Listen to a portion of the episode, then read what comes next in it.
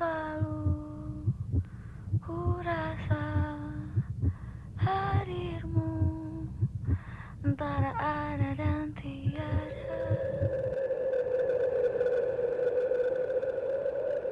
Halo rekan Elmitra, selamat datang di Potra Podcast Radio Elmitra.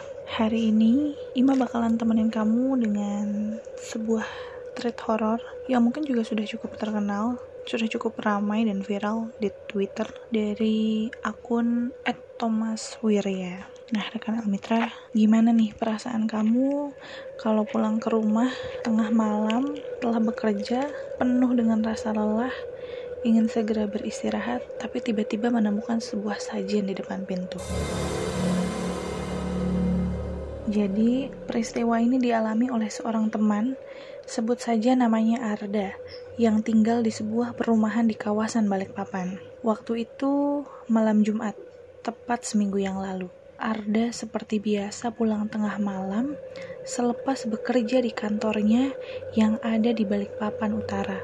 Malam itu sekitar pukul setengah satu malam. Sebenarnya si Arda ingin pulang cepat, tetapi firasatnya seperti mengarahkan untuk pergi ke tempat lain.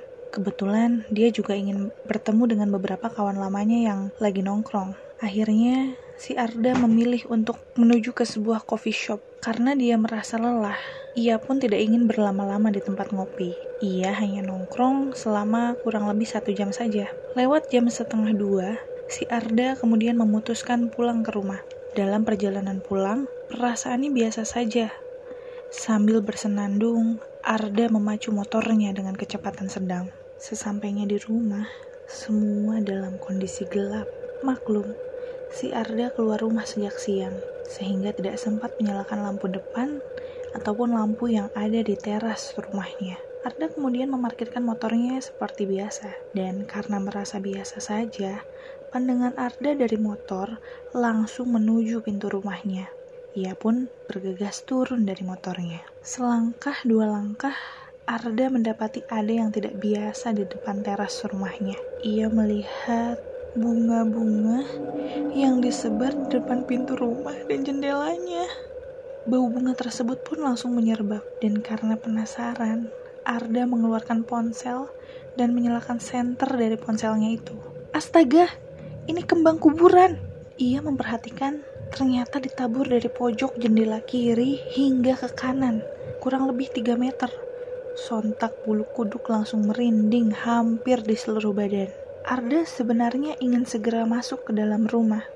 Sudah sempat membuka kunci pintu di rumahnya. Tapi firasatnya mengatakan, jangan dulu. Akhirnya Arda mundur dan menghindari depan pintu rumahnya. Diperhatikannya, rumahnya terasa hawa yang tidak enak.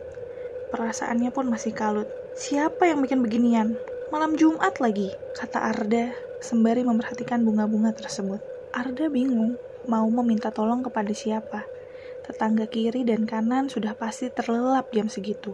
Jika melaporkan security, wah, pasti akan heboh satu perumahan. Akhirnya, si Arda menghubungi teman lamanya. Namanya Baim. Baim sendiri bukan orang pintar, tapi punya kemampuan lebih peka dibandingkan dengan yang lainnya. Sebenarnya sudah lama Baim nggak mau berurusan dengan hal-hal yang mistis seperti ini. Tapi hanya Baim yang diingat oleh Arda.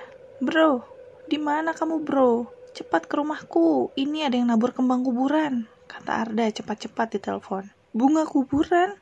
Sial, bikin kerjaan aja malam-malam.